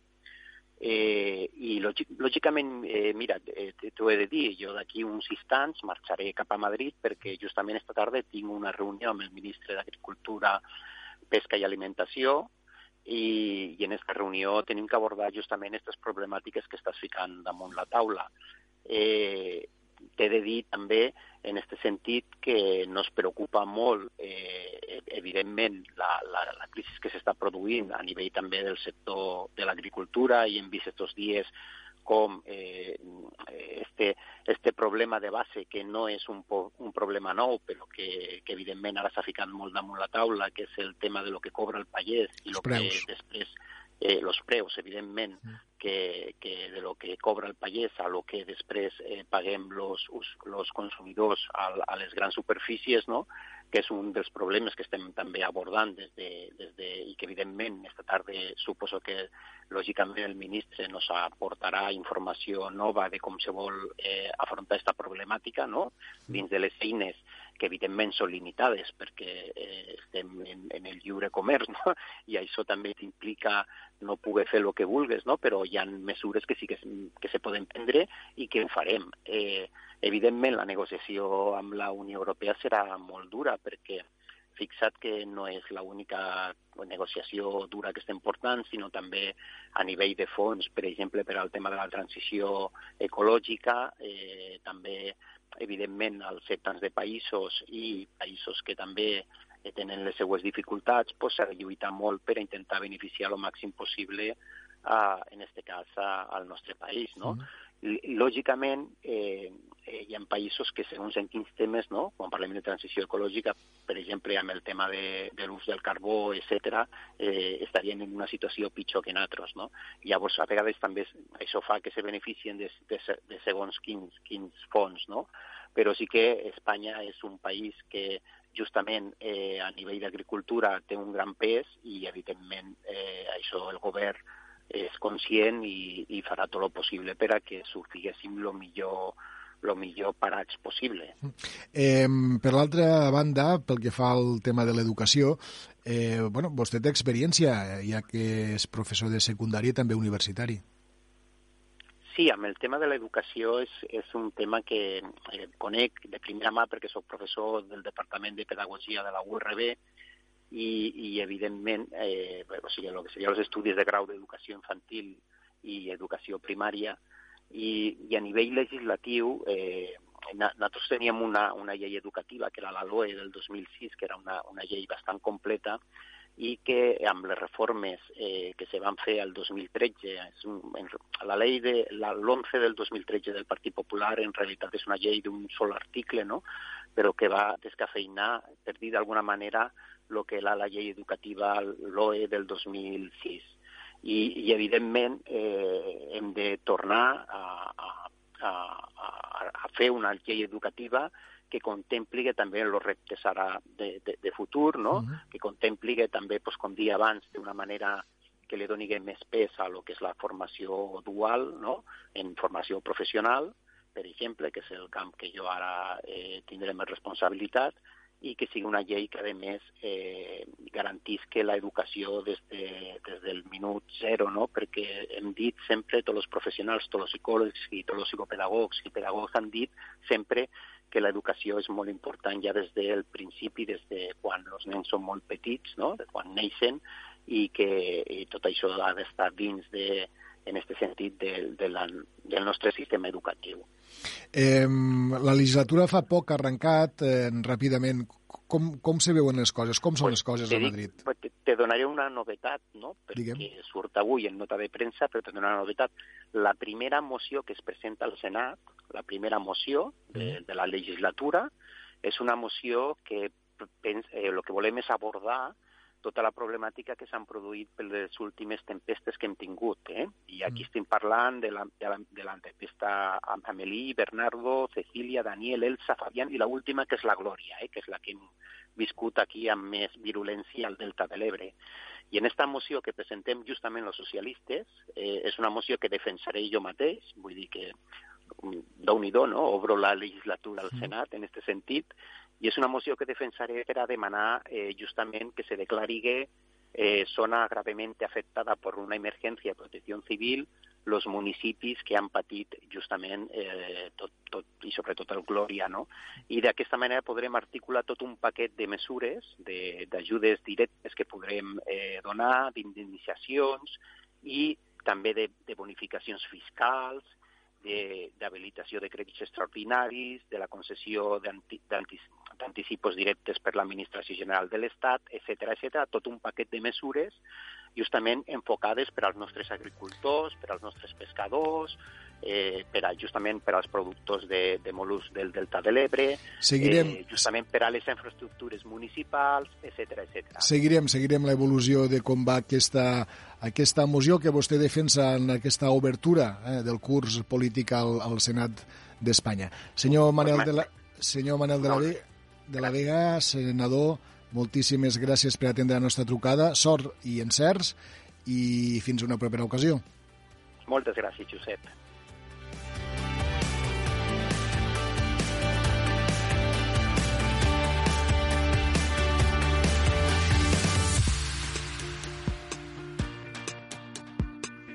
Moltes eh, gràcies. En aquest cas anem ja a una nova secció, eh, la del sector primari. Unió de Pagesos ha celebrat aquest cap de setmana el seu Congrés Nacional en el que han reclamat que la pagesia sigui capdalt en l'estratègia global del país.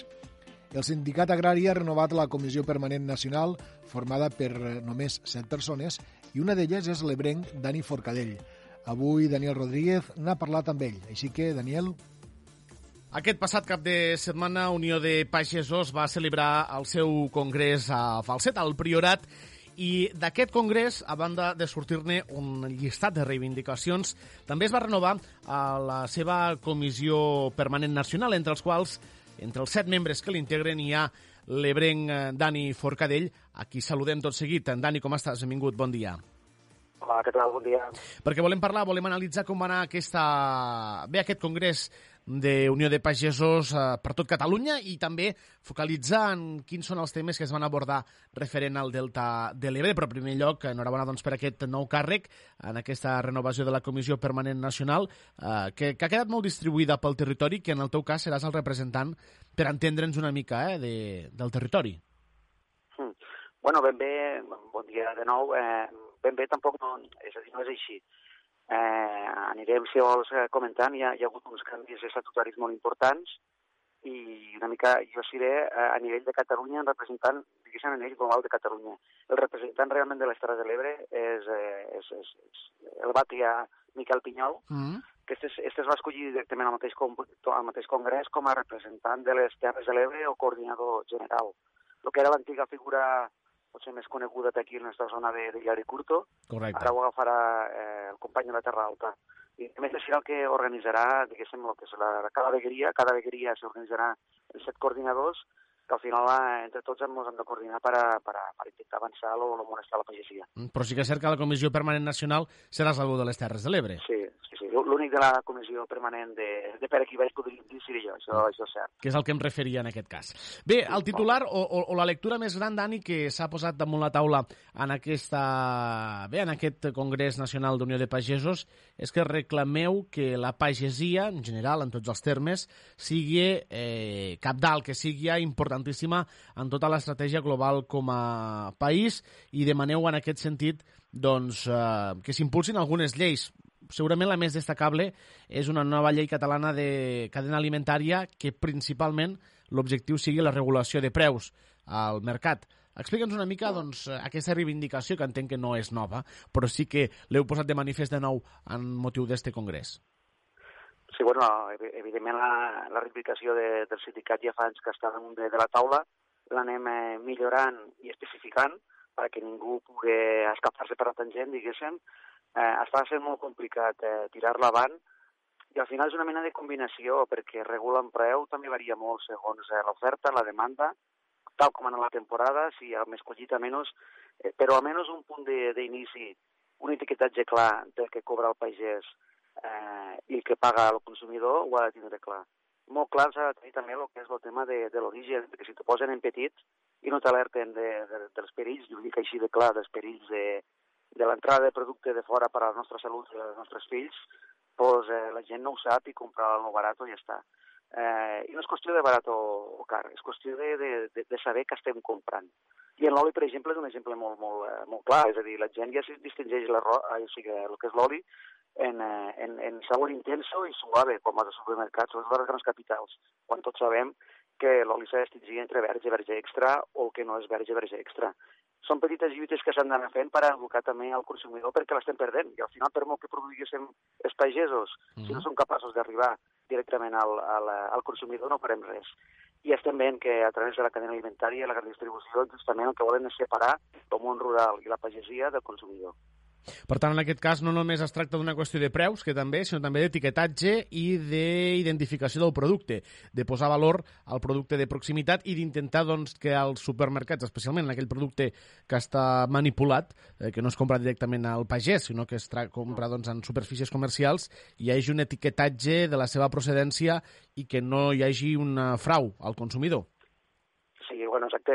Com bé s'ha anomenat moltes vegades i no, no ens hem de cansar de repetir, eh, les normes que tenim per, a, per aplicar fitosanitaris i tant la llei vegetal com animal a Europa en general són molt dures, molt estrictes, estem molt controlats i a nosaltres ens sembla perfecte eh, que tothom fes bé les coses i que arribi productes sants als, a, a altres, diguéssim, a tothom, no? A uns fills, diguéssim, directament ja.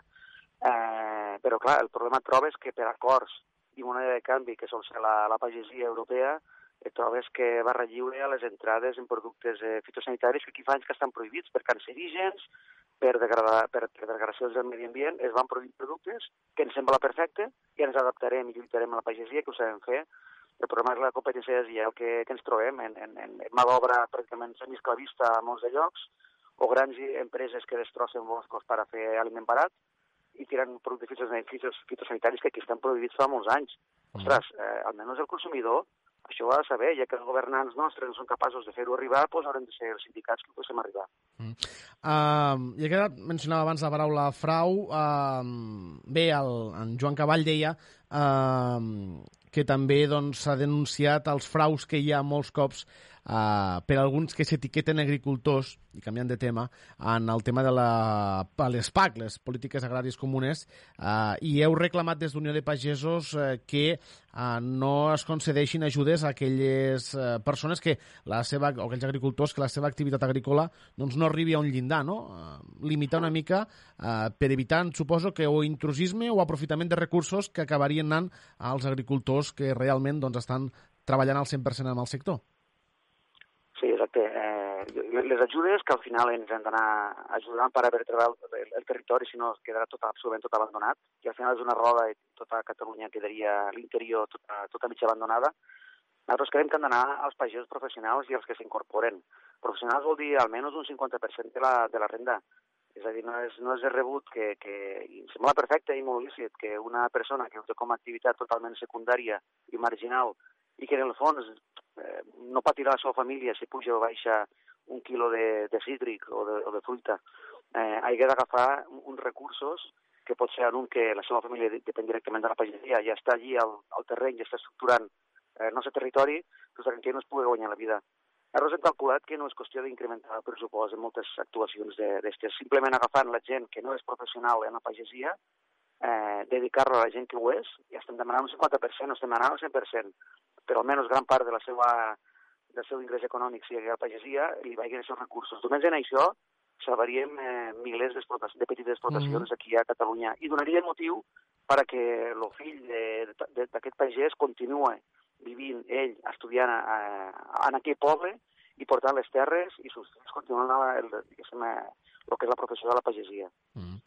Uh, una altra de les qüestions que també vau posar damunt la taula és uh, bé la possibilitat de millorar l'organització del sector agrari.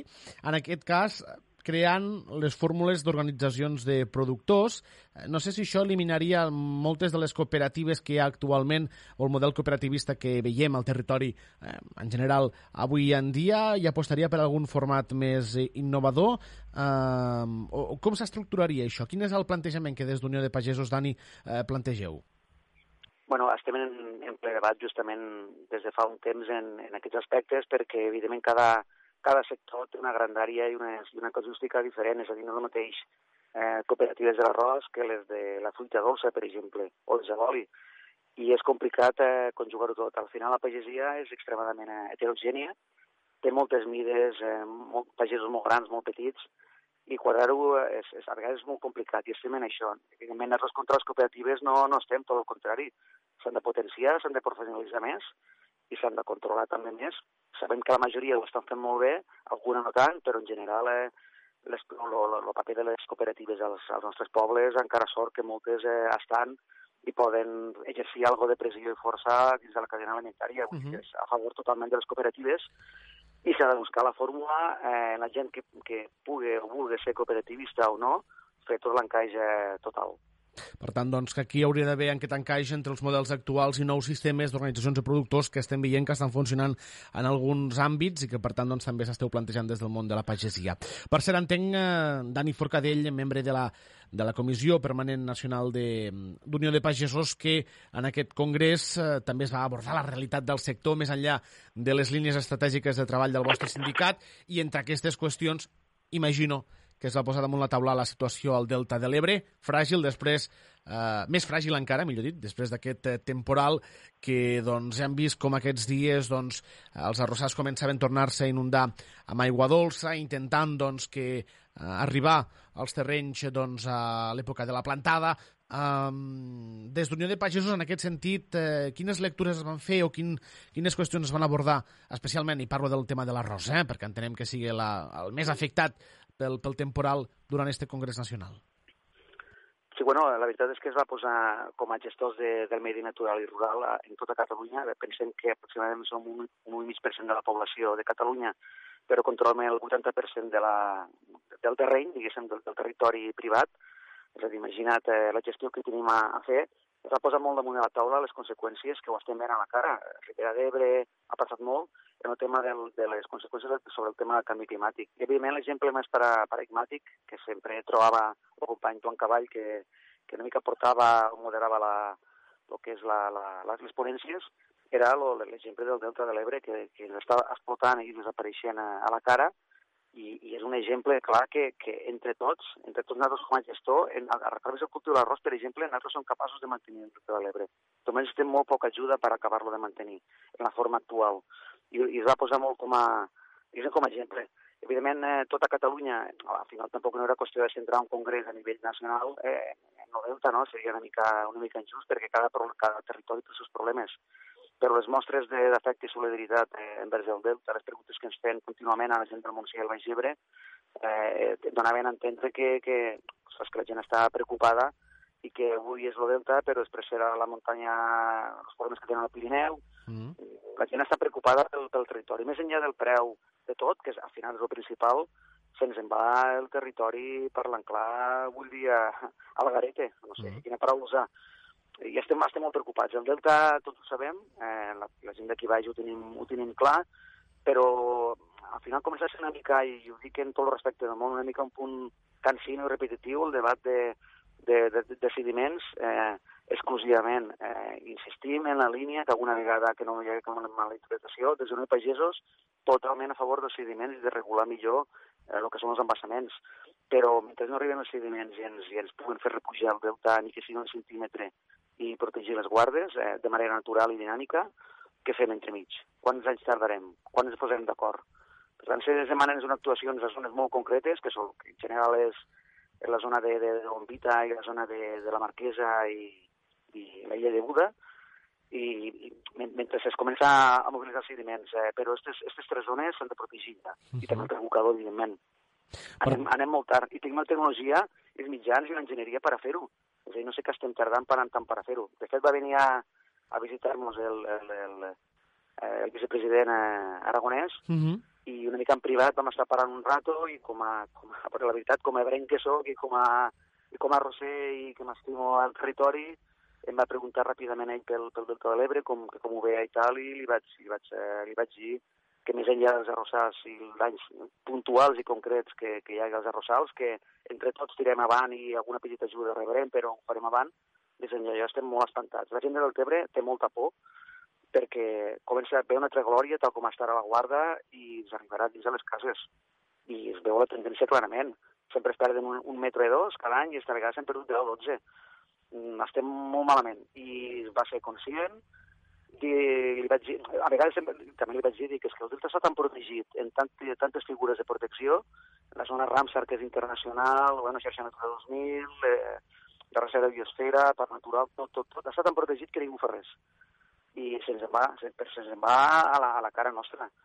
I simplement li vaig, lo vaig alertar, se va preocupar bastant i espero que s'entri una mica en aquests en estos, en estos problemes, no només en les eleccions. I, i faig extensiu en ell i el resta de partits eh, que mm -hmm. sembla molt bé que es vagin barallant ara en el tema de les eleccions, que és la seva feina, però la gent al territori estem, estem patint i necessitem diguéssim, almenys negociar, mm. negociar solucions i posar-les a, començar a treballar. Solucions que, evidentment, entenem, Dani Forcadell, que si no hi ha terra, mm, parlar de preus és estèril. Si no tenim els, Clar, els camps no de conreu, parlar després de, de, de comercialització és complicat. No té preu i s'incendia tota la Ribera d'Ebre, eh, hem d'analitzar perquè s'incendia, que surt més barat, és estructurar i fer una cadena transparent d'alimentació, o fer marxar els pagesos i llogar funcionaris perquè es cuiden els boscos, i on ves perquè juguen la vida pagant, pagant, eh, pagant els incendis. És que no té sentit. És a dir, al final t'acabarà gastant més tenint un paisatge fet un desastre a, a nivell de Catalunya i evidentment depenent d'altres països la, la, el que és el bàsic és la, la, teu, la, la teva alimentació no podem deixar caure la pagesia europea no pots aprendre a nivell, euro, a nivell europeu de, ja depèn si és prou penós dependre a nivell energètic d'altres països imagina't a més dependre a nivell alimentari seria un desastre uh -huh. Doncs n'hem parlat d'aquestes qüestions, de com va anar aquest congrés, també de la realitat del Delta de l'Ebre, la qual no podíem obviar amb Dani Forcadell. Ha estat escollit un dels set nous membres de la Comissió Permanent Nacional d'Unió de Pagesos d'aquest sindicat agrari. Uh, Dani, t'agraïm que ens hagis acompanyat aquests minuts al dia Terres de l'Ebre per haver repassat l'actualitat d'Unió de Pagesos i per encarar el vostre futur també a partir d'ara. Uh, sort i encerts, gràcies, bon dia. Moltes gràcies, a la vostra disposició.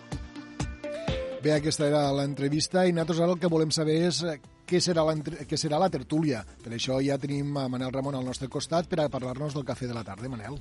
Bona tarda, Josep. Aquí estem per fer el cafè de la tarda. Avui amb Salvador Bel, amb Toni Iniesta i amb Manolo Gamundi. Amb ells parlarem de temes d'actualitat, com són la neteja de les platges, com l'entrevista que ell li va fer eh, Évole a Junqueras del que allí es desprèn, de les possibles eleccions del mes d'abril del País Basc, etc etc etc. Són qüestions que abordarem damunt de la taula en aquest programa, que per cert avui fa 250. Avui fem el 250 Mira, programa. 250 programes. Déu-n'hi-do.